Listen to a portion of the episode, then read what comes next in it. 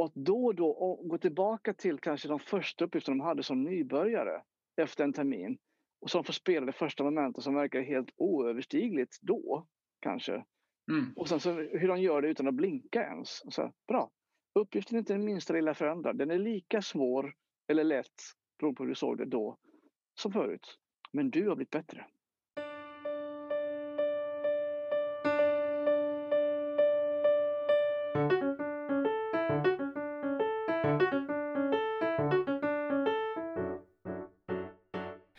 Välkomna till Musiklärarpodden. En podcast som handlar om allt som är roligt med musikundervisning.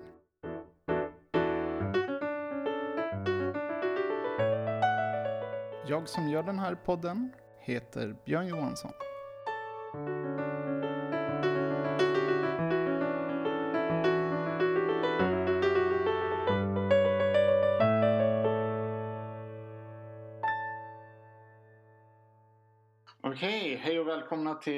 Musiklärarpodden. Jag hälsar Fredrik Kjeld välkommen idag. Tackar, tackar. Eh, du är en person med många strängar på din lyra, skulle jag säga. Både musiker, du är musiklärare och eh, föreläsare. Stämmer det. Coach kanske man ska tillägga också. Det är en Coach stor del jag håller på med. Ja, precis. Känner du att de där går in i varandra eller är det olika spår som du håller på med? Föreläsningar och coaching eh, går ju in i varandra i sig. Det kanske inte går att koppla ihop alla i varandra men ja, klart att jag, jag är coach i undervisning också. Eh, så är det ju. Musiker går in för att det är det jag undervisar i. Så att det, det, du kanske inte kan knyta ihop allihopa men, men väldigt mycket går ihop i alla fall. Eh, så, det är det. Just det, just det. Kan, kan jag fråga lite snabbt? Jag är nyfiken. Hur, hur kom det sig att du började spela musik? Oj. Uh, det är faktiskt en av grejerna jag, jag brukar nämna när jag föreläser mycket för lärare. Att jag har inget minne av ett aktivt val utan jag växte upp Eh, I Jönköping och i frikyrkliga Jönköping finns det musik precis överallt. Så att jag har ingen minne av ett aktivt val att där valde jag trummor ens. Utan jag har faktiskt alltid varit trummis i mitt mindset. jag har spelat sedan jag var liksom fyra, tre, fyra år gammal. Okej. Okay.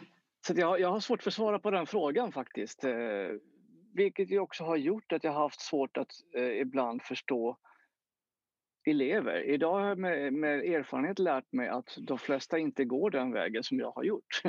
Eh, utan att man då har någonstans gjort ett aktivt val kanske och det kanske inte har varit lika självklart som mitt har varit med en stor passion utan det är bara en grej man hoppar på. Mm. Uh, medan jag då fick kanske en väldigt tidig passion för det här. Okej. Okay. Och uh, hur, hur tog din bana sig vägen efter du hade börjat spela?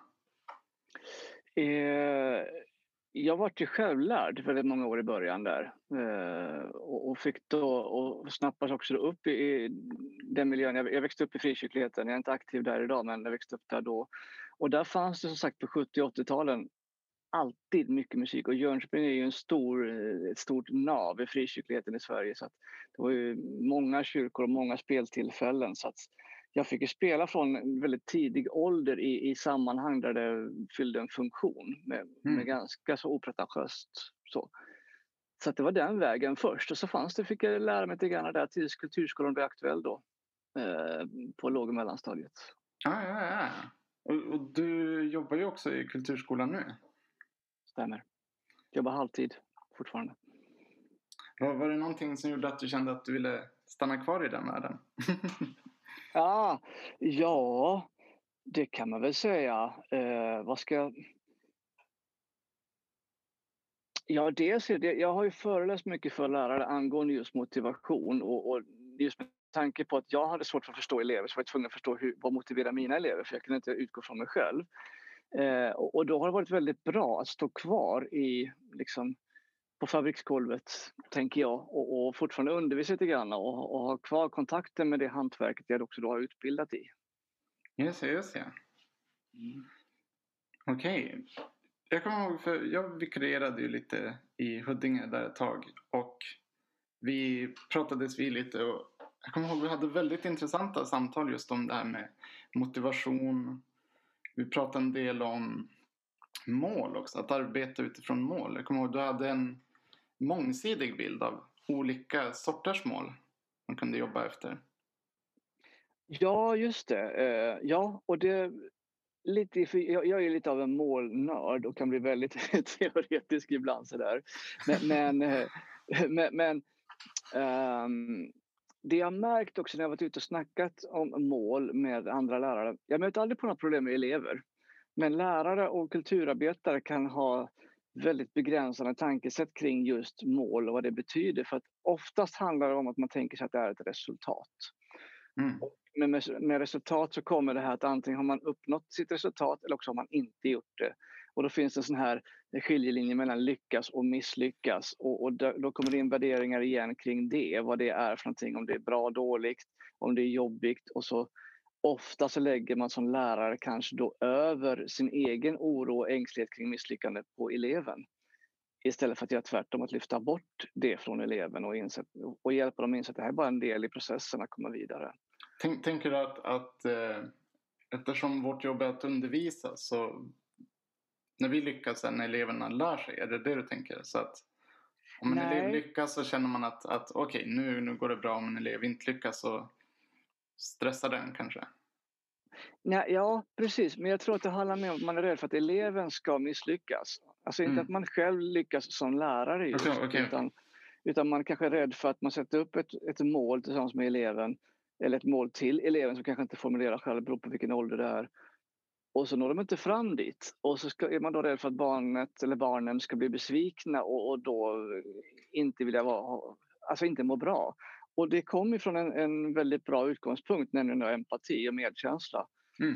Men den kan lura oss ganska kraftigt, tänker jag, för att det, det, vi får alltid resultat. Frågan är bara om vi, om vi styr om vi vill påverka så mycket som möjligt eller om vi bara reagerar på det vi får. Och för mig är att sätta upp mål är ett sätt att eh, sätta fokus på det jag vill ska hända. Okej. Okay. Men som sagt, som du sa, olika typer av mål. Resultat är bara ett typ av mål. Eh, och det är då konsekvensen av det vi gör. Så kan man då dela upp detta då i flera, som du sa, flera hierarkier om man vill med både vad man behöver prestera för att få sitt resultat och vad behöver jag lära mig för att kunna prestera och, och vad behöver, hur behöver jag bete mig, tänka och känna över tid för att kunna lära mig detta. Alltså här, att det, det finns flera delar. Och det kan vara ganska befriande för en lärare då att men, vi måste kanske inte ha huvudfokus på resultat utan kanske snarare på vilken process vi ska ha på våra lektioner. Och, hur vi ska må och att vi ska bli en grupp eller vi ska få en bra kontakt. Och, eller att vi ska alltid vara kreativa varje lektion. Det, det är typiska processmål som kan vara rätt de här, process, de här processmålen, är det något som du gör för din egen del eller något du gör med eleven också?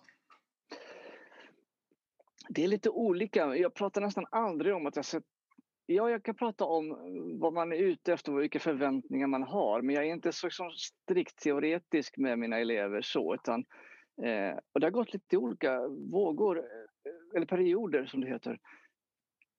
Ett tag, och ibland när jag höll på mycket med mål och föreläste om det så, så blir ibland liksom metoden större än, än själva det man är ute efter. Så jag var tvungen att backa lite grann för till slut liksom hade jag måldokument och jag, satte, och jag hade processer för och så, så det här tog så lång tid innan jag ens kom igång. så jag kände att det här är inte bra för eleven. så jag fick backa på det lite grann och lätta upp det hela. Men att alltid prata om lust och förväntan och, och möta eleven där de är. Och yngre elever förklarar kanske snarare vad det här kan du förvänta dig. För de, hur ska de kunna formulera ett mål när man är 9-10 år gammal och, och, och, knappt har spelat ett instrument? Ja, ja men precis. Jag, jag förstår vad du menar. Jag hade någon idé att jag skulle sätta upp terminsmål som ett försök att börja nysta i någon ände liksom. Mm. Och då, kom, då, då stötte jag verkligen på det där att, att många små kanske, de kanske inte tänker mer än en vecka framåt ibland. och Nej. man kan ju förstå det när de, att, att en vecka är ju så mycket längre tid i deras liv också än när man är 30-40 liksom. Precis. Det är inte bara barn, jag möter på sådana vuxna ibland också, men det är en annan sak. Eh, hur gör du då om du har dem som är liksom tio år och man känner att man ändå vill ha någon riktning, liksom, att de vet var de är på väg någonstans? Ja, och då pratar jag mer om Dels när de är nybörjare då så kan jag ställa frågan eh, vad, vad, är det du förväntar dig av att få, få, spela trummor här hos mig? Vad, är det du, vad var det du fastnade för? Så man går med på lusten där för då får jag en bild av vem eleven är. Och sen så kan jag eh, förklara att det här är vad du kan förvänta dig just nu. Vi kommer möta det här att du vill ha roligt på det här sättet. Du vill, för ofta säger de ju samma sak. De, det verkar kul att kunna spela trummor. Men bra, då ska vi lära oss det. Eh, och, och, så möter man. Det, det, är oftast inte svårare än så. Eh, men sen också att man då börjar förklara lite grann. Det här kan du förvänta dig här. För det, det, är ofta lite så vågskålen går. Att när man lär sig att nu ska vi utgå från elevens lust så ställer man frågan till tioåringen som inte har mognad att kunna styra det helt och hållet till 100 procent. Och då känner jag att då överger man den eleven det, och det är ytterst oansvarigt. Som Tänker att man lärare. frågar vad, vad vill du göra? Det är den frågan som dyker upp. Precis. För, att, eh, och det är ofta det som händer när lärare får gå en, en utbildning i coachande ledarskap som jag då utbildar i. Och jag trycker verkligen på att glöm inte bort din lärarroll. Glöm inte bort ditt ansvar som den vuxna. Så att du balanserar detta så att du eh, ger eleven det inflytande som de är mogna för.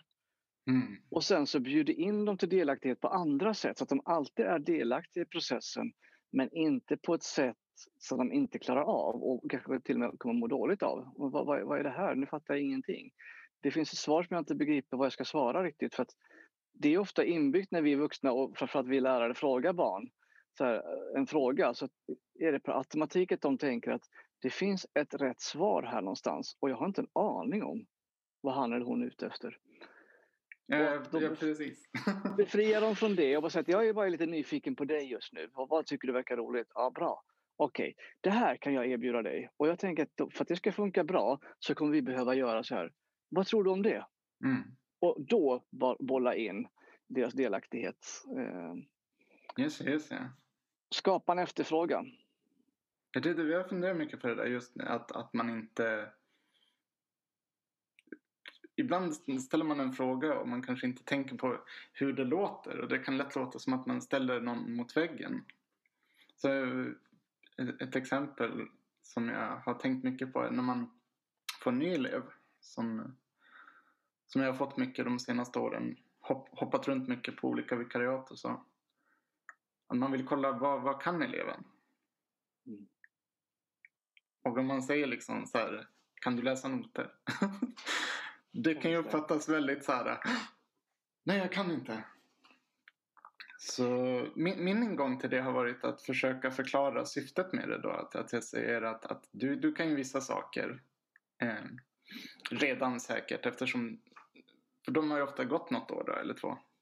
Här, men jag vet inte vad du kan. Så jag tänker jag ska, ska ställa lite frågor. Jag ska kolla lite vad du kan så vi inte behöver göra det igen. Min idé är att då vet de varför jag gör det. När de vet syftet med det brukar de vara mer öppna för att okej, okay, och så frågar jag kan du läsa ett A-moll? Mm. Hur hittar man det på pianot? Så här, och så, ja, okej, okay, okej, okay, men det, det kan vi ta. Det, kan, det kommer vi gå igenom. Då. Just det. Ja, men det tror jag är, du pekar på en, en grymt viktig grej, att just alltid ha med syftet och, och, det är också förväntan och syftet. För ofta kan vi glömma den delen som lärare överhuvudtaget. Att vi ger dem en liten enkel uppgift och så, glömmer, och så vet vi att det här kommer leda fram till någonting. Mm. Och sen så vet inte eleven det och därför händer ingenting. Och vi fattar inte, men alltså, det är ju ingen jobbig läxa ens utan det är bara så här lite och de får all den här vinsten. Och så glömde vi bort den lilla detaljen då att förklara just vinsten och, och, och få dem att också känna det värdet. Mm. Eh, och förstå det. Så det tycker jag är jättebra. Sen, sen, kan man ju ha olika idéer om det som du är ute efter nyss här med, med kunskapstest. Antingen ställa frågor då. Det har jag nog också gjort, men, men, men det jag eh, spontant tänker här, om det är yngre elever så skulle jag göra samma som du. Jag skulle säga, mitt syfte är att jag vill bara veta vad du kan och vad du har gjort. Eh, att det är mitt syfte med det jag gör nu. Men kan vi göra lite olika moment för att jag ser vad du kan? För att ibland har en del yngre elever svårt att just uttrycka eller verbalisera vad de kan och inte kan. Ja, precis. Nej, jag brukar ta något notblad och så brukar jag fråga så här, vet du vad den här tonen heter? Just det. Förstår jag du den här symbolen med, med två streck och två prickar? ja, just det. Just det. Ja. Nej, men, exakt så och, och, och, kanske egentligen bara till och med spela grejer. Plocka fram en, först spela på gehör kanske. Mm. Och, och trummor som är ett sånt, sånt starkt gehörsinstrument kanske då mer än, jag vet inte, jag ska inte säga för mycket, piano är också ett gehörsinstrument som du spelar. Eh, men just att kunna spela bara tillsammans på gehör, samspela ihop. Mm. Kanske ibland om man har tillgång till att slå på Spotify-låt eller om jag spelar någonting på ett annat instrument och man kan kompa till det. Så den biten, den musikaliska kommunikationen finns på plats. Eh, och sen då kanske ta fram en notbok och kika, vad, vad, om vi läser det här så jag får se vad det är för någonting i notväg. Och så testar vi det här så spelar vi och ställer ganska lite frågor.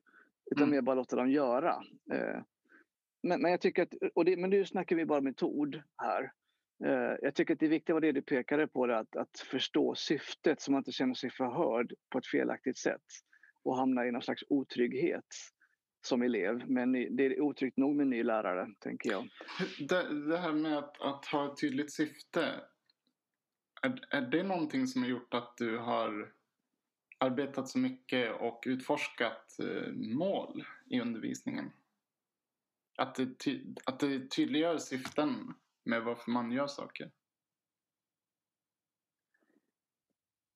Ja, det är det väl. Det är väl hela med, med det är ju en del av motivation. Om, som sagt, jag är både målnörd så jag blir en grym motivationsnörd. Jag vill läsa på vad som, hur motivation fungerar och hur man kan motivera andra.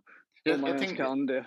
Och då är målet en viktig del. Det är det jag menar. Visst, visst. Jag tänkte så här, det vore intressant att höra de här olika typerna av mål som du brukar använda.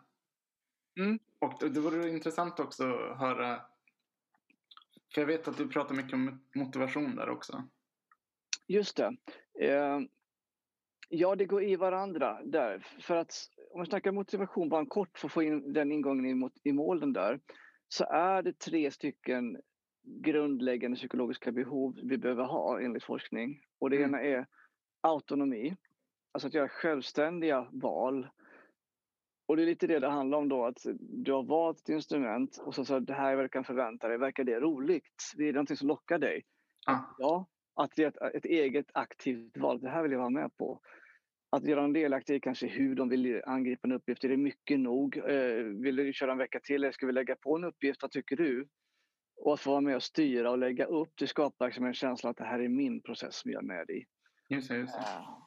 Samhörigheten, att ha en trygg miljö att göra detta i är också ett psykologiskt eh, behov vi har. Antingen om det är en och en lärare-elev eller lärare-grupp, eh, gruppen sinsemellan. Och sen så känns det att jag faktiskt har möjlighet att klara av det, kompetensupplevelsen. Och de här tre går ihop då. Och för att tillgodose dem så använder jag då mål. Eh, ska du välja ett aktivt val så bör du ha ett syfte att ta ställning till. Ja. Och då kommer jag med mål in igen. Va? Och då är det inte alltid resultatmål funkar. Lite beroende på var vi är någonstans eh, och vilken mognadsnivå eleven har. Men, men å andra sidan behöver man inte göra så märkvärdigt. Jag vet att en annan kollega till oss här i Huddinge berättade eh, så fint eh, på, på en, det kallas för MPF, en grej i Huddinge, metodiskt pedagogiskt forum. Man delar med sig av sina tankar och idéer. Och hon berättade om, då, hon är dramalärare, och hon berättade om att hennes process var tydlig på ett läsår. Nämligen att under hösten så skulle de bli en grupp. De skulle jobba ihop sig och bli en grupp som teatergrupp. Eh, för att sen då kunna lära sig det som krävs. Så att på våren i maj ville de ge en föreställning.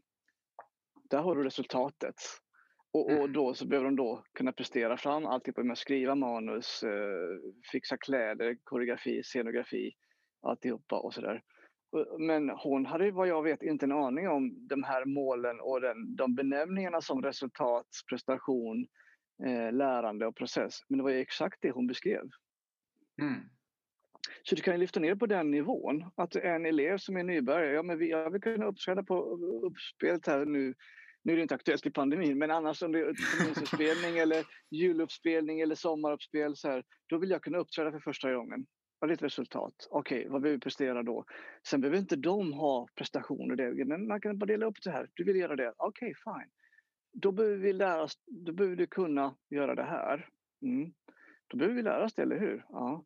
då får vi se till att jobba på det tillsammans på lektionen och vara, vara noga med att vi kan. Och då har du redan gjort hela den här hierarkin, fast på en väldigt mininivå. Liksom. Mm. Delat in det här. Andra har inte den att det måste leda fram till ett resultat, utan det handlar kanske bara om att för att vi ska lära oss att ha kul här och må bra så behöver vi bete oss så här mot varandra i gruppen. Du och jag behöver ha en överenskommelse över vem som, vilka roller vi har med varandra som lärare och elev eh, och tydliggöra det. Att elever tror ibland att jag ska lära dem spela trummor så att det kommer jag inte alls göra. Och då blir de jättekonfunderade. Va? Ska du inte? Nej, det kan jag inte. Jag kan bara visa dig hur du ska lära dig själv. För du måste hem och jobba med det. Jaha, okej, okay, för du kommer ha förstått här uppe i huvudet när du går härifrån. Men du ska få dig själv att kunna utföra det här med kroppen. Och det är din, det är din del i jobbet. Och att tydliggöra det. det här behöver, så går inlärning till. Det här behöver du lära dig, men jag kan visa hur du ska göra. Och när de är små så har man så små trappsteg på den här inlärningstrappan så att de, så att de knäcker det på lektionen och sen bara går hem och övar och tycker det är jätteroligt. Men någonstans kommer man till det här att man inte knäcker näten hela vägen på lektionen utan man skapar bara förutsättningar för. Och då, nu är ditt uppdrag att gå vidare med det här på det här sättet för att det ska fungera. Ja, just det. Men det bygger på att eleven tycker att det är attraktivt. Annars gör de inte. Det gör inte någon av oss. Ja, men precis, precis. Eh, jag brukar alltid tänka att det måste vara elevens projekt att vara där. Att de, om de är där för vår skull eller för någon annans skull så det, det känns så... som det blir mindre tanke, liksom, aktivitet. Men, ursäkta, menar du att eleven ska komma med projektet själv? Eh, nej, nej. Att, jag tror det var det som du pratade om med autonomi där. Att, att de är där för att de känner att jag spelar piano. Inte för att jag ska spela piano för att det kanske är bra eller, nej, nej, eller för att någon det. annan tycker att, att jag, jag borde göra det. Föräldrar kan ju ibland vara otroligt motiverade. Lite mer än, än vad eleverna är. Så här. Jag undrar ibland också om eh, engagerade lärare kanske kan liksom ta över processerna. Jag tänker, nu ska vi göra det där och sen ska vi göra det här och du kommer lära dig det här. Liksom, att man ändå Just det. Mm. lämnar någon slags eh, utrymme där för eleverna att, att känna att, att det är deras grej på något vis. Absolut, viktig grej där eh, och det är viktigt att hitta den balansen. Jag tänker att engagemang och passion som lärare är fantastiskt viktigt. Och det är också det som väcker lusten hos eleven mm. när man smittar av det. Men precis som du så viktigt pekar på där, eh, att det är viktigt att den passionen inte tar överhanden så att man inte släpper in eleven i det. Eh, utan att det är något som ska smitta av sig givetvis. Men det får inte bli så att jag blir så passionerad i min egen undervisning att jag glömmer bort att jag ska ha med mig eleven, att det är för elevens skull. Jag ska vara passionerad och engagerad. Mm. Eh, så. Men jag, och för den delen lika passionerad i mitt ämne så att det är det som smittar av sig då på, på eleven. Ja, ja, ja precis. Så det är en balansgång där givetvis men jag tror, att det, jag tror inte man kan ha för mycket engagemang och lust och passion om man bara är vaken för att ha med sig eleven i detta. Du pratade en del om relation också, kommer jag ihåg. När, sist vi pratade lite. Att, att det är en otroligt viktig grej. Skulle du vilja ja. utveckla det? Ja, absolut. Eh, alltså relation är ju A och O. Har jag inte relationen på plats så kommer jag inte kunna nå ut med min, mina, mitt engagemang och min passion till de här eleverna. För att, eh, jämför det med, med en med telefonförsäljare. Duktiga försäljare så tänker du inte ens på att du har köpt någonting till slut. Du har liksom bara fått ett mervärde. Oh, jag fick hjälp att lösa det här, det vart ju kanonbra. Och så snackar du jättegott om det företaget. Någonting. Eller så ringer det någon från, hej, du har varit kund hos oss i 20 år och så drar de ett manus och så märker man att det här är för att du ska få in ett sälj. Du bryr dig inte ett dugg om mig. Du sätter inte relationen på plats någonstans. Det är inte så här, var är du någonstans idag? Hur kan jag hjälpa dig? Vad är du? Och bygga den här känslan av relation till varandra. Eh, där jag känner då som mottagare att jag är omhändertagen och att den här personen är mån om mig. Och det kan mm. bara byggas genom relation. Eh, och, och, det måste jag göra med elever så därför är jag otroligt noga med det och därför har jag också då valt, jag ser, och det här är inte för att komma med pekpinnar till lärare som valt andra vägar, men jag valde så här nu i, i coronatiden när vi började undervisa på distans så har jag valt att fortsätta ha lektionerna live via Zoom på lektionstid Ja. med mina grupper och elever.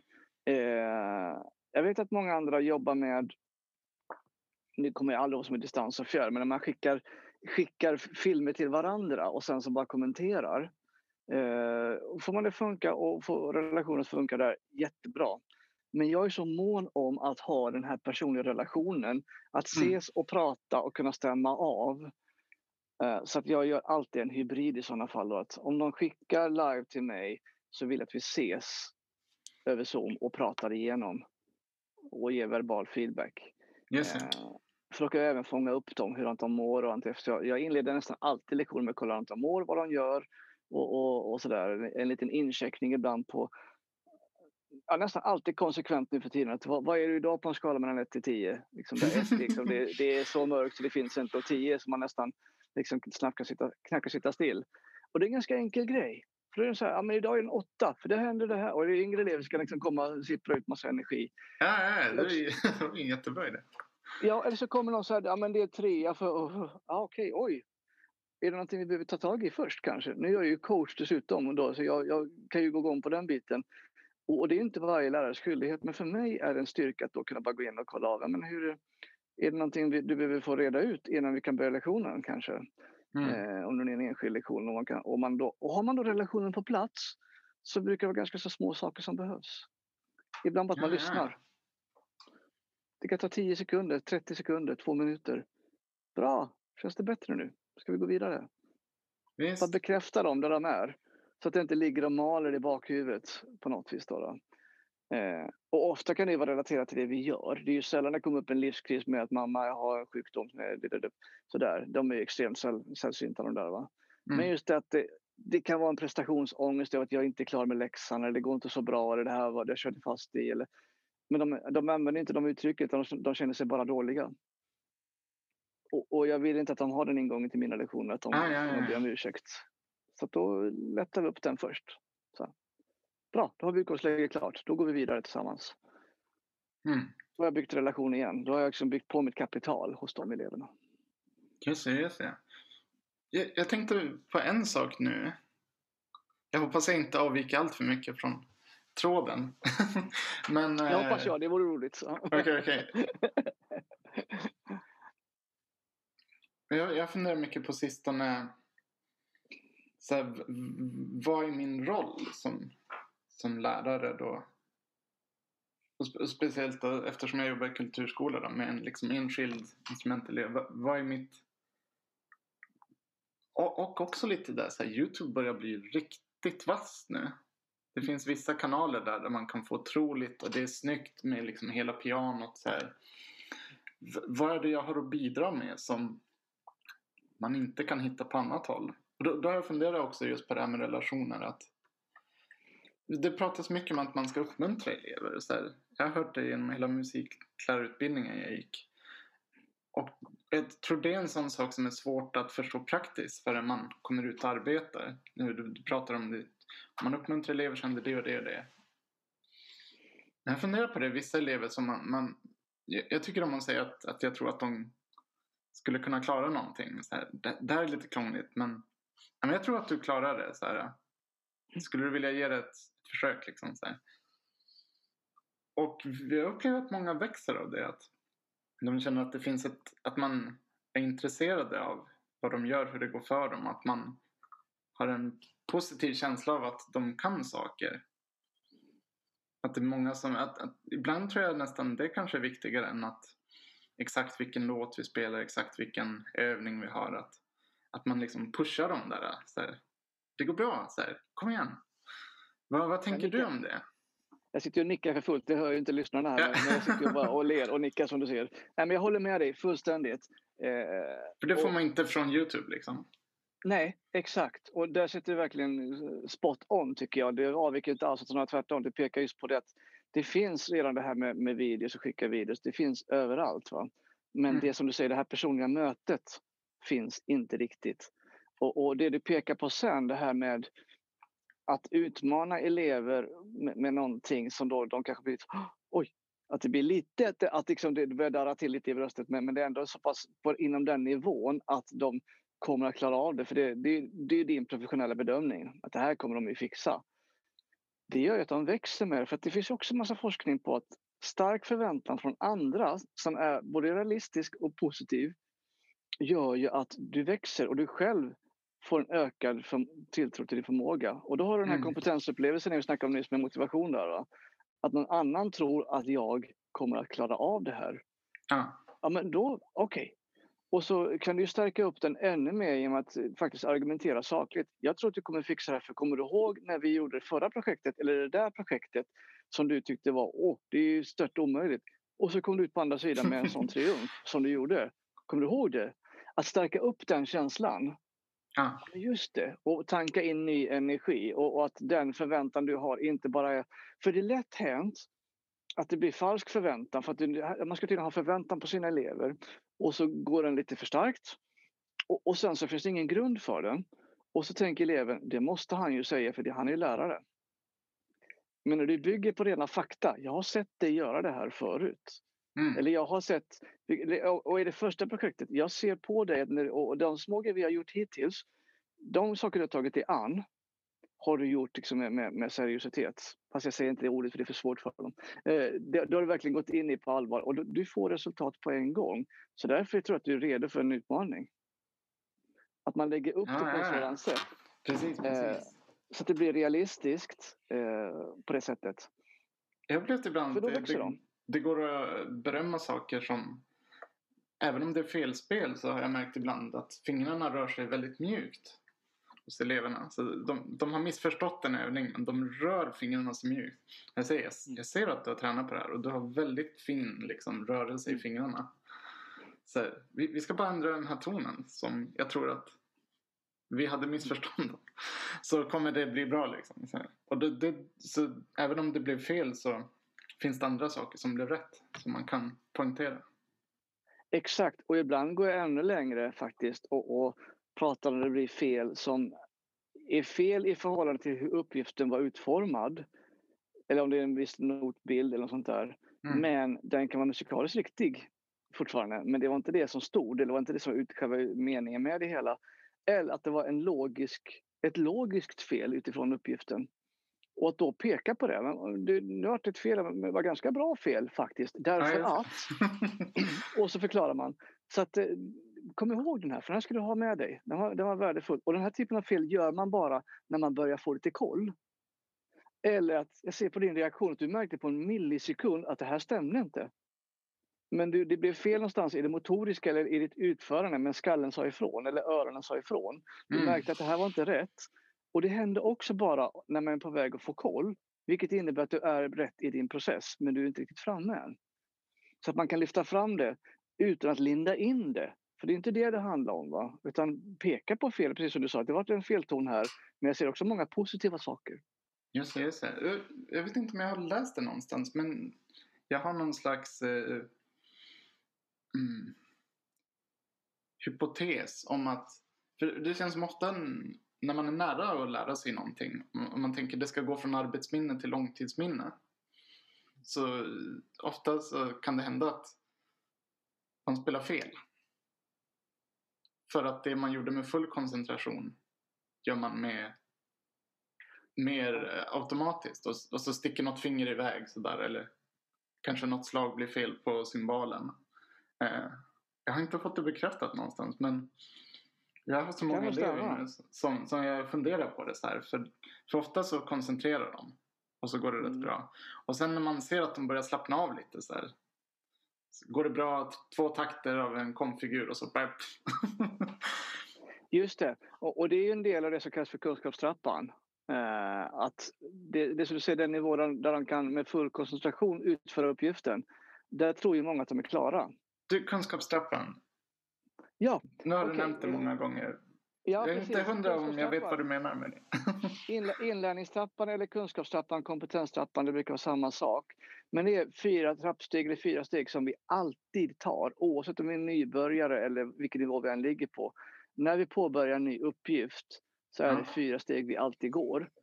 Och det första steget det står vi på redan. Det är innan vi ens har gjort någonting. Vi får uppgiften och då vet vi, det, det kallas för omedveten inkompetens om man ska använda fackspråk där. Va? Ehm, och det handlar om att du har inte utfört uppgiften så du vet inte vad du inte kan. Mm. Du måste testa på uppgiften en gång först. För du kan få en notbild som du förstår. Men det finns en koordination eller en teknisk pryl i en, en, en kombination av, av antingen toner eller en kombination av slag på trummor eller vad det handlar om. Som du inte har kompetens för. Och den upptäcker du först när du testar. Och när du har gjort det, då är du direkt upp på trappsteg två. Eh, som kallas för medveten inkompetens. För nu vet du vad du inte kan. Det var ju den där delen där som blev fel. Och utifrån den kan du skapa strategier och övningsmodeller och sånt där för att komma vidare och komma upp till trappsteg tre som du pratade om nyss. När vi med full koncentration eh, i de bästa gynnsamma förhållanden kan då utföra uppgiften ah, som vi har. Men det kräver vår fulla koncentration, ungefär som en dator som ligger med full processorkraft på någonting för att få det att funka. Men det dyker upp ytterligare grejer, det börjar filmen lagga till exempel. Va? För att det går utanför och, och så faller det åt sidan. Eh, och, och, där tror ju tyvärr både många lärare men framförallt många yngre elever, för att men nu har jag löst uppgiften, nu kan jag den. Men de har inte, som du sagt, gått in i långtidsminnet där de, där de har hamnat i mästerskap. Mm. Alltså att det här sitter som en, jag brukar kalla det för giltig kunskap. Alltså det sitter där, du behöver inte ens tänka på den. Och det fjärde trappsteget kallas för omedveten kompetens. Alltså när du börjar utföra saker som du inte ens tänker på längre att du gör. Det bara sitter där. va? Och jag använder det här med, med, elever och jag ofta med yngre elever. Jag snackade om det igår senast med eh, en tioåring. Eh, men då kan man inte riktigt använda den här omedveten inkompetens för det blir alldeles för svåra ord. Men förklara innebörden och jämföra med cykla. Kommer du ihåg när du lärde cykla? Det första gången du testade, åkte du omkull så insåg att jag måste lära mig hålla balansen. Mm. Var du visste att du inte kunde. Trappsteg nummer två. Alltså övar du för fullt när mamma och pappa håller pakethållaren över stödhjul eller vad det nu är för någonting. Och så till slut så plockar man bort dem där och mamma och pappa släpper pakethållaren. Och du kan cykla på planmark eh, så ingen stör dig. Ropar någon till vid sidan av blir du rädd så ramlar du omkull igen. Och sånt där. eller om du måste svänga så sätter du ner foten och vänder på cykeln. Men till slut så cyklar du så pass mycket så till slut så kan du det där utan problem. Och nu cyklar du till skolan, det är uppförsbackar, nedförsbackar och du tävlar med, med kompisar och, och, du eh, kanske tänker på annat under tiden och du tänker inte ens på hur du håller balansen. Det bara sitter i dig. Just det, just det. Och att de får, ja men just det, det stämmer. Bra, det är det vi ska komma över med den här uppgiften. Så att du bara gör den utan att tänka på vad som behöver göras. Och att då och då gå tillbaka till kanske de första uppgifterna de hade som nybörjare efter en termin. Och de får spela det första momentet som verkar helt oöverstigligt då, kanske. Mm. Och sen så hur de gör det utan att blinka ens. Så, bra, Uppgiften är inte den minsta lilla förändrad. Den är lika svår eller lätt, beroende på hur du såg det då, som förut. Men du har blivit bättre. Och då inser man att det är min egen utveckling. Hela tiden ja, ja, ja. Det är bra grejer. Visst. Mycket bra grejer. Det är, det är inte min egen. Jag, jag, jag hade gärna tagit åt mig äran för den här, men det är inte min tyvärr. ja, men vad ska man säga? Du manifesterar det i ditt läraryrke. Det är ju fantastiskt. Ja, och hjälpa eleverna förstå det för att de inte vet vad inlärning betyder. För att allt för många människor, både vuxna och barn idag, vet inte skillnaden på att kunna och att lära sig. Mm. För många samma ställer frågan, skulle du vilja lära dig det här? Så, så svarar ungefär 90% lögnaktigt ja. Men det den säger egentligen att jag vill kunna det där. De är inte beredda att lägga ner det jobbet. Jag kanske vill upp en jättesvår pryl på trummor. Så här, va? Ah. De vet att det här är liksom 5% av eleverna på, på 30 års undervisning som, som lär sig. Skulle du vilja lära dig det här? Nej. Eller ja, säger de då. Det tror jag inte på. För du är inte beredd att göra det jobbet. så, så, så säger jag ju inte till eleven givetvis, men det, det, är så vuxna funkar också. Vi tror att vi, vill kun, att vi, vi svarar på frågan, vi vill lära oss, men vi snackar att vi skulle vilja kunna. Mm. Uh, jag har gjort det på äldre elever. När jag var på latin och jobbade för många år sedan så gjorde jag faktiskt den. För att jag var tvungen att utmana dem. För de hade sina bilder av att de skulle bli musiker och de ville kunna spela bra. Men du ljuger ju för dig själv. För du är inte beredd att göra jobbet. Mm. Och jag har ingen prestige som lärare. Det är inte mig du sviker. Jag Ja, skiter ju i det. Jag vill ju att du ska lyckas givetvis. Men om inte du vill det så spelar det ingen roll hur mycket jag vill det. Men jag går inte med på att du lurar dig själv. Just det. Men då snackar vi en helt annan nivå än kulturskolan. Möjligtvis äldre elever där. Men, Ja. men eh, ja. Och det är en service tycker jag. Det är lite hård kärlek. Eh, Men, den, är viktig i det skedet i livet när man då börjar sätta an att jag vill göra karriär av det här. Som då de här personerna gjorde. Va? Mm. Och då inte förstå att det kräver av dig. För annars kommer du inte lyckas. Och då vill jag hellre plocka ur dem i den villfarelsen att eh, vill du verkligen det här då kräver det ett jobb. Ja, det kräver en passion och att du lägger ner det här även när du inte känner för det. Och det innebär att du sitter och pluggar i korridoren när övningsnumren är uppta- är upptagna. Så att du är klar med läxan du hade i de andra ämnena när rummet sen är ledigt.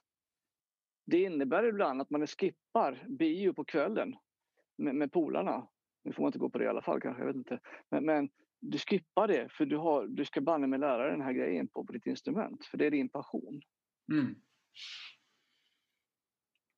Ja, det, är- mycket som konkurrerar om eh, Ja. vad är det? attention är det på engelska. Uppmärksamhet. Precis. det, är- jag, har en kompis och han blev hooked på att spela schack. Mm. Jag, jag känner så här att det lockar lite igen och börja med det där. Och sätta sig in i. till- Tills jag kommer på att shit så mycket tid det kommer ta. Så. Mm. så det är verkligen en balansgång där. Man, har man för många bollar i luften så blir det ingenting av dem. Exakt. Nu stack jag iväg från ämnet lite grann här kanske, men just att inse vad lärande är. Och inte tro att det handlar om att kunna, utan att ska jag lära mig så inser jag, då måste jag göra det här. Så med kulturskoleelever och framförallt yngre, gör de här trappstegen så små det bara går i Mm. början. Så att de får en, en, eh, en bild av att lärande pågår hela tiden och att de gör triumf på triumf på triumf. För då kan jag peka på sådana saker. Det här lärde du dig. Och sen höja trappstegen lite grann hela tiden. Okej. Det blir lite högre och lite högre. Så väldigt små utmaningar i början. Absolut. Nej, Jag är lite nyfiken ehm, på vad, vad du har... du- Du har ju uppenbarligen mycket, läst mycket om de här ämnena. Om, om man skulle vilja läsa på lite själv.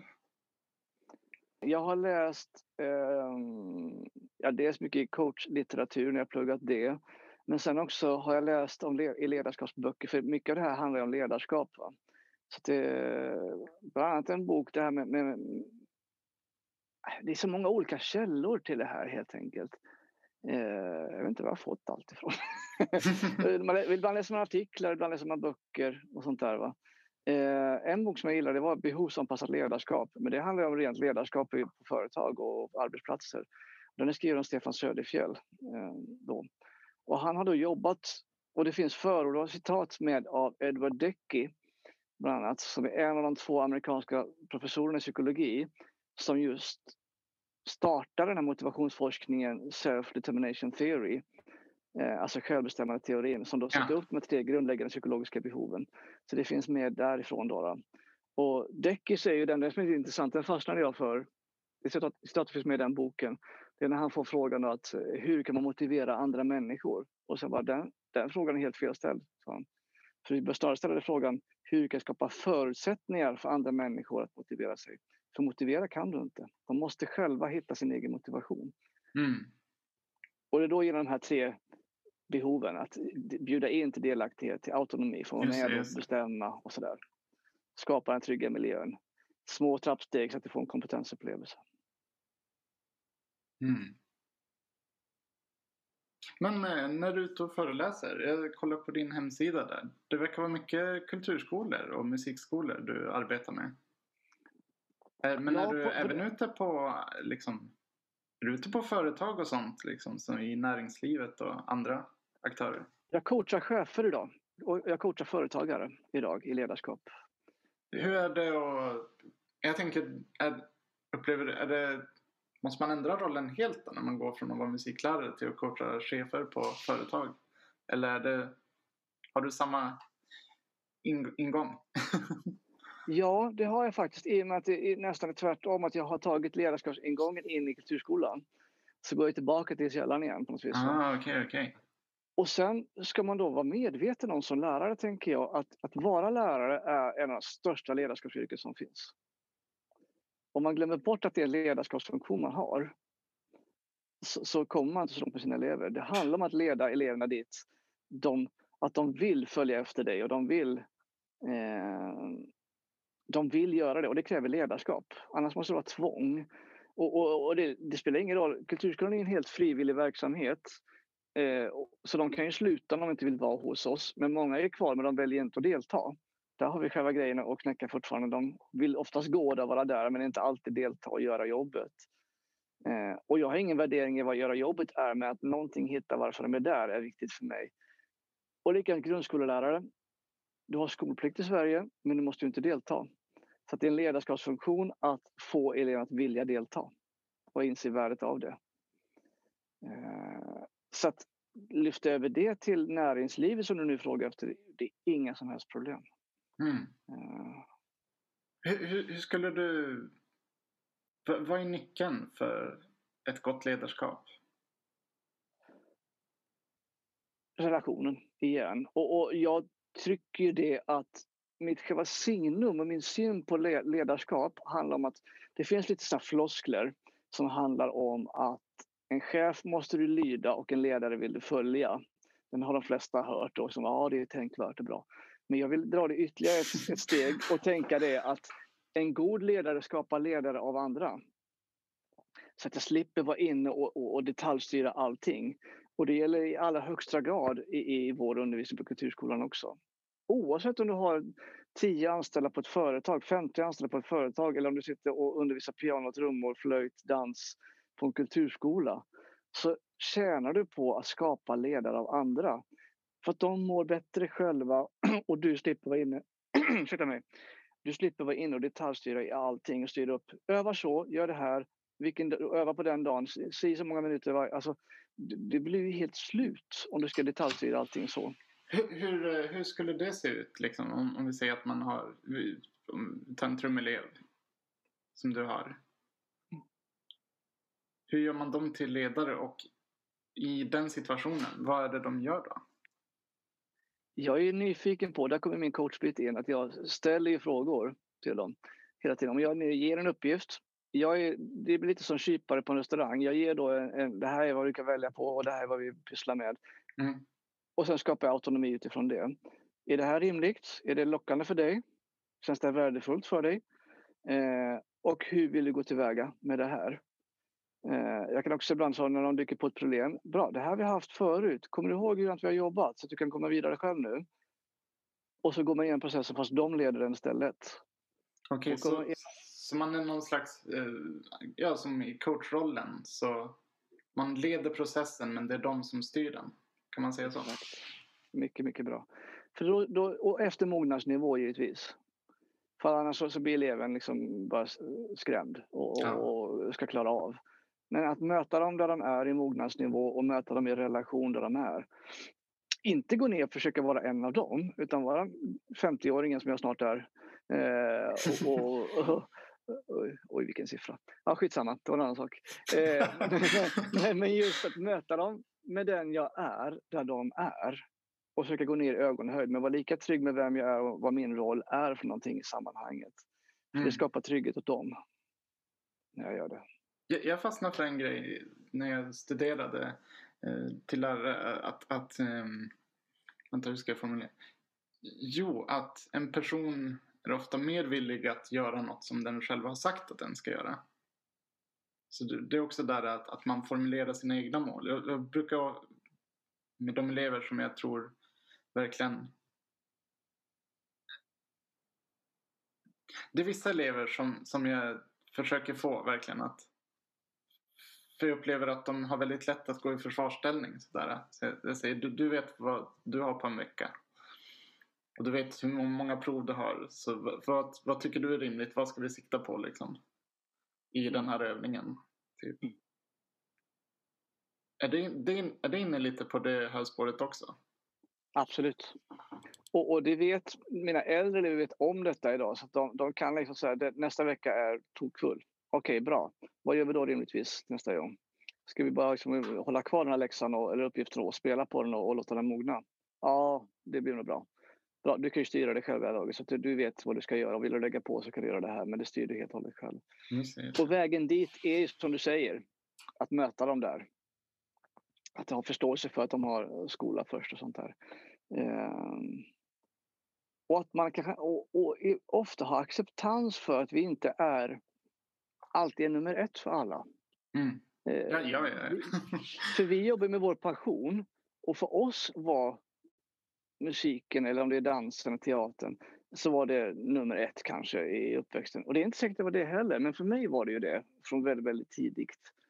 Eh, jag slutade med fotbollen mm. när jag var 11 år, för jag var fem dagar i veckan. Jag spelade band och orkestrar och, och kulturskola och sånt där. Så jag hade inte tid till att spela mm. fotboll, så det fick jag göra på övrig tid när det fanns då utöver det. Men gå in i ett lag, det fanns inte med. Det var för mycket tid till det. Eh, men, men, att förstå att andra inte alls har den situationen och att acceptera det och förstå vilken roll spelar jag i den här personens liv. Ja. Eh, för det är respekt att visa det, tycker jag. Eh, men allt, hela tiden bjuda in och vill de öka. Och jag har haft elever som från början varit ganska, ja sådär och det, det, och det, så har de ökat och till slut är de hos mig tre kvällar i veckan. Men jag låter mm. dem ha sin process. Och jag bjuder bara in till och säger de nej så bara, ja, jag förstår. Absolut. Det är inte mm. din grej. Alltså, du behöver inte, det, det, är ett erbjudande jag har. Det är ingenting jag tycker att du måste och ska göra. Um, just det, just det. det ingen idé att tvinga folk till någonting. Det går inte. Det blir aldrig bra. Visst. Jag, jag är lite nyfiken på hur, jag tänker om jag skulle vilja bli mer aktiv med att jobba efter eh, och liksom kunna sätta mål med eleverna. Jobba med processmål där, där man tänker hur vi vill ha det och sådär. Mm. För jag har gjort lite försök. Jag började med terminsmål och sådär. Jag har haft lite andra sätt att försöka. Jag har svårt att göra det praktiskt. Jag är lite så här, vad är metoden för att arbeta med de här målen? Och eh, nu har jag 63 elever. Och jag har svårt att dokumentera allt på något sätt. Så jag kommer ihåg allt vad vi har sagt, allt vi har kommit överens om. Hur, hur gör du praktiskt? Oj. Jag är en strukturerad människa men nu har, byter jag struktur här och jag är inte helt i mål med det. Eh, men, men under många, många... Ja, precis. under många år i början jag har ett gott minne dessutom så jag körde utan till. Jag kommer ihåg ganska mycket men jag märkte att det fanns så många, jag missade för mycket och det tog för mycket energi. Så, så att, sen började jag då jobba med, med att jag skrev verkligen upp alla lektionsmoment. Och då satt jag med perm och hade lektions, alltså en mall för varje lektion i, på, i fysisk, alltså fysiska papper i en perm. Men det var ju också så ohållbart. Liksom, jag hade också en heltidstjänst med uppåt 50 elever och, och ja. ensemble. Och, det, liksom, det släpade runt på den här. Det var liksom ryggproblem till slut. Liksom, sådär, va? Det går ju inte. Nej. Men så kom IT-världen och en Dropbox. Där varje elev hade en egen mapp i Dropboxen. Eh, ett default-dokument och så sparade jag varje lektion som ett lektionsnummer och datum. Som jag skrev upp vad vi gjorde, läxa, vilken typ av utveckling, utveckling vi, vi vill ha. Eh, där har jag också sparat ett måldokument redan som ett, ett av dokumenten.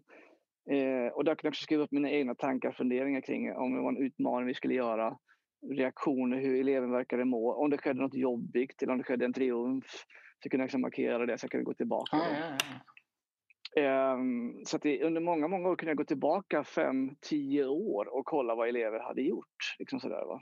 Mm. Eh, och då hade jag ett, ett dokument på, på skrivbordet på datorn som bara namnet, så var det en hyperlänk. När jag klickade på namnet så hamnade jag på det här lektionsdokumentet i min Dropbox. Så jag kunde fylla i direkt där och sen spara om det som någonting annat.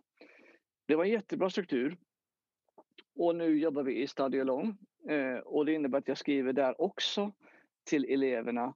Och, och då har det blivit för mycket, det tar för mycket administrationstid att göra allt det här parallellt. Jag gjorde det ett halvår och så insåg att det här går inte. Jag missar någonstans. Okay, så, så nu har jag ett ja. dokument som är öppet där jag skriver vad jag gjort senaste veckan och jag skriver också läxan i Study Long till eleverna så kan jag alltid gå in och kolla där. Men det blir inte lika transparent och öppet som förut. Men idag har jag bara 15 elever. Eh, jag jobbar halvtid och 40 procent av det är dessutom ensemble.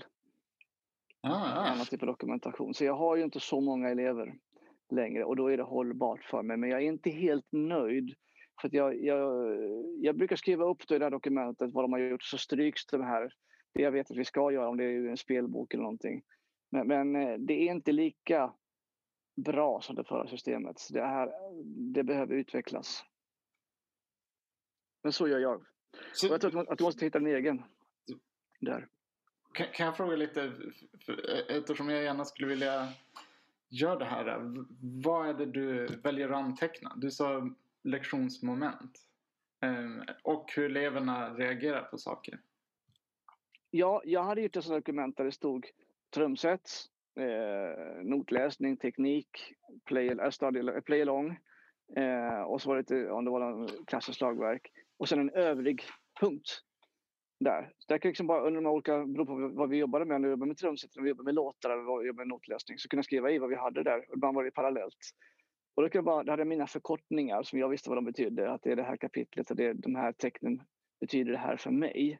Att det är en ny läxa eller jag kunde skriva läxmomentet och sen slash och skriva PG. Det betyder på gång. Mm. Alltså utveckling. Och tänk på det här.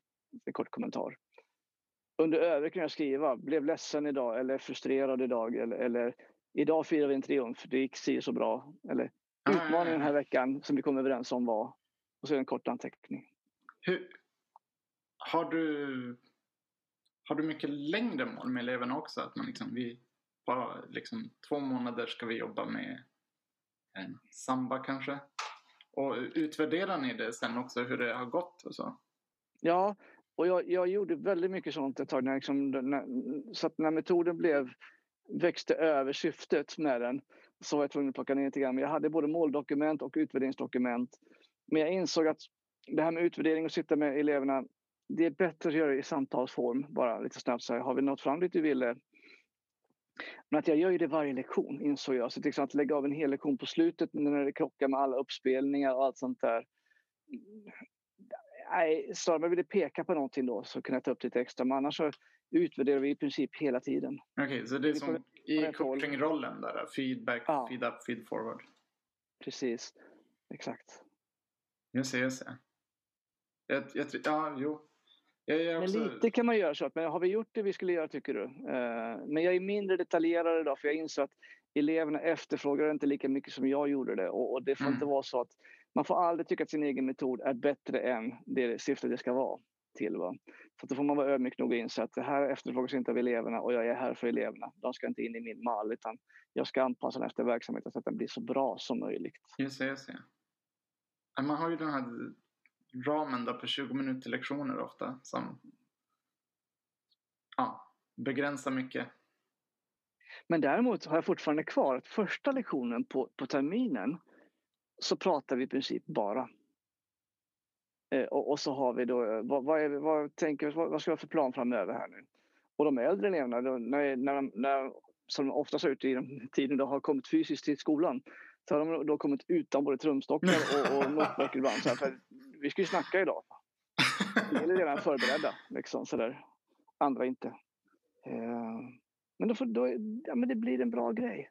Hur, hur, ett, hur ett bra sätt att, att eh, vi har varit lite inne på att, att det kan vara svårt att formulera vad man vill ibland.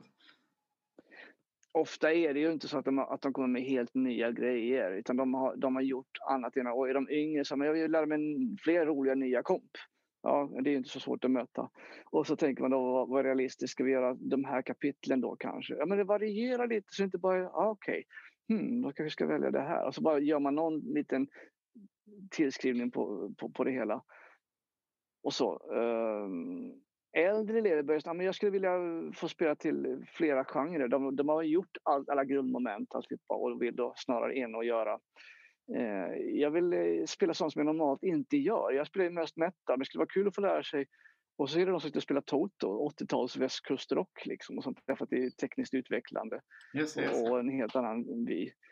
eller Paul Simon från 70-talet och, och få en helt annan bild av grejer. Brukar du själv pitcha in förslag i det läget? Jag tänker för du har ju en liksom, musikerkompetens och vet att... För de kan ju på ett sätt ge förslag från det de vet om på något vis. Menar du på där, låtar nu? Eller? eller på vad de vill lära sig. Och där, du, där vi som pedagoger kan se att vi skulle också kunna... Har du testat det här någon gång? Det här kanske vi ska utforska. Eller gör du, gör du det i ett senare skede? Att, att första gången är att de ska Nej, det sker nog parallellt. Och det, det, kan också vara att jag, för ofta har jag förberett någonting för att eh, har de ingenting alls så blir det bara dödtid. Så att mm. jag också har visat på lite engagemang. Jag ser var vi är någonstans. Jag skulle kunna tänka mig att det här vore viktigt. Eh, och, och, då sälja in det så att de aktivt vill välja att göra det. Eh, det har också kommit när vi har snackat lite utvärderingar, lite lös sista lektionen vi börjar bli klara med äldre elever. Då, för det är kanske där, där jag utvärderat mest fortfarande även i slutet. Ja, och nästa termin vore det då kul att kunna göra. Ja, har du några förslag? För det brukar de fråga dessutom, för de vet om att det finns. Ja. ungefär som du frågar kyparen vilket vin ska man ha till den här maten. Alltså, du, du vill ha lite hjälp. Eh, och då kan man mycket väl ha den funktionen. Så man inte missförstår den här autonomin att, att eleven ska bestämma allt själva. Uh, för ofta är vi allt eller inget människor. Och det är det jag försöker komma bort ifrån när jag utbildar lärare. Att nej, involvera men ersätt inte din egen kompetens. Mm. Utan stå fast i den och var stolt i den och kom med den. Men, men lyssna in hur du ska använda den för den här personen. Just det, just det. Jag, jag funderar om vi kanske skulle börja avrunda här. Mm, absolut. In, innan dess, är, är det någonting du känner att du gärna hade velat prata om som, du, som vi har missat? Nej, det tror jag inte. Jag gick in i det här helt öppet. Jag vet att du var lite nyfiken på motivation och, och, och mål och sånt där. Så jag tycker ja, att visst, det visst. mycket bra. Eh, och, och, om man skulle vilja vad heter det, få mer av dig mm. och höra dig prata om saker så du erbjuder ju en del föreläsningar och sånt. Stämmer det. Det är inget datum ute just nu är det inte. Men, men eh, det går alltid att kontakta mig och så kommer jag till skolan eh, och gör detta. Eller som nu via Zoom. Jag var i Skåne i måndags, fast ändå här inne där jag är just nu. Eh, och föreläste via Zoom. Och det har gjort jättemycket det här året. Så det går alldeles utmärkt. Och det, det är motivation då kanske? Som du föreläser om coaching, ledarskap? Ja, och, och, ofta det är likadant där nu för tiden att jag pratar med den chefen och ser vad är det för efterfrågan ni har? vad är det ni behöver mest hjälp med? Eh, och jag kan inte hjälpa till med allting för det vore förmätet men när, jag, när jag gör en sån diskussion med, med chefer och, och, nästan alltid är det motivation och hur man kan coacha på det för det, det är det de har sett att jag håller på med. Det är därför de vänder sig till mig. Och då kan vi snacka igenom lite grann eh, hur vi ska vinkla dagen och beroende på hur lång tid vi får på oss. Ska man bara göra en inspiration på 45-60 minuter då hinner man ju bara täcka upp en kortis sådär. Eh, I Hörby i måndags hade vi eh, två gånger 90 minuter. Så det är lite workshops och, vi snackar om motivation utifrån det vi snackar om idag, du och jag. Och mm. målhierarkin. Och vi har lite diskussioner i grupper kring det. Så det går att lägga upp och jag har haft he två heldagar ibland med skolor med uppgifter emellan och sånt där. Så det går att lägga upp vilken storleksordning man vill. Så att, ta kontakt med mig så, så gör vi en plan tillsammans. Det låter jättebra. Och jag läste också att du har en bok ute. I trummetodik. Ja. ja, precis. Det var så jag började en gång i tiden. Eh, det är faktiskt tio år sedan jag påbörjade skriva den boken. Eh, och då hade jag ingen aning om... Jag hade föreläst en gång året innan och sen började på hyllan av andra orsaker. Eh, och sen började jag skriva den här boken för att jag blev mest trött på att kopiera andras böcker så att det här inte riktigt fair att göra. Och jag kunde inte be eleverna köpa 15 böcker för att det var bra saker i olika böcker. Så jag började skriva saker själv istället. Mm. Jag tyckte det var värdefullt. Och sen så istället för att bara ge bort dem som pdf så insåg jag hmm, kanske man kan skriva en bok. Vilket jag gjorde, som kom ut 2012. Och den säljs för fortfarande på Notposten tror jag och den heter Trumkompassen. Trumkompassen. Och där kan man hitta olika metoder för trumspel, slagverk kanske? Det är trumsetspel Trumset. bara i den boken. Ja, det är det. Och det finns lite stycken för musikstycken för trumsets, alltså solostycken och ibland duetter för två trummisar att spela. Eh, och så är det en ganska klassisk eh, nybörjarbok som täcker in olika koordinationer och olika stilar. Men med den lilla vinklingen om att också en del teori, att få skriva in lite saker och ting själv. Lite så här, en teoridel av varje kapitel som man kan stämma av med eleverna. Att få skriva egna saker, skapa lite själv och lite kreativ själv. Just det. Fredrik, tack så mycket för att du ville medverka i Musiklärarpodden. Tack så mycket. För att du fick vara med, ska jag säga. Där fastnade orden någonstans i gommen. Ja, härligt. Tack så jättemycket för förtroendet. Yes. Jag önskar dig lycka till med alla dina projekt och sånt i den här framtiden. Du med.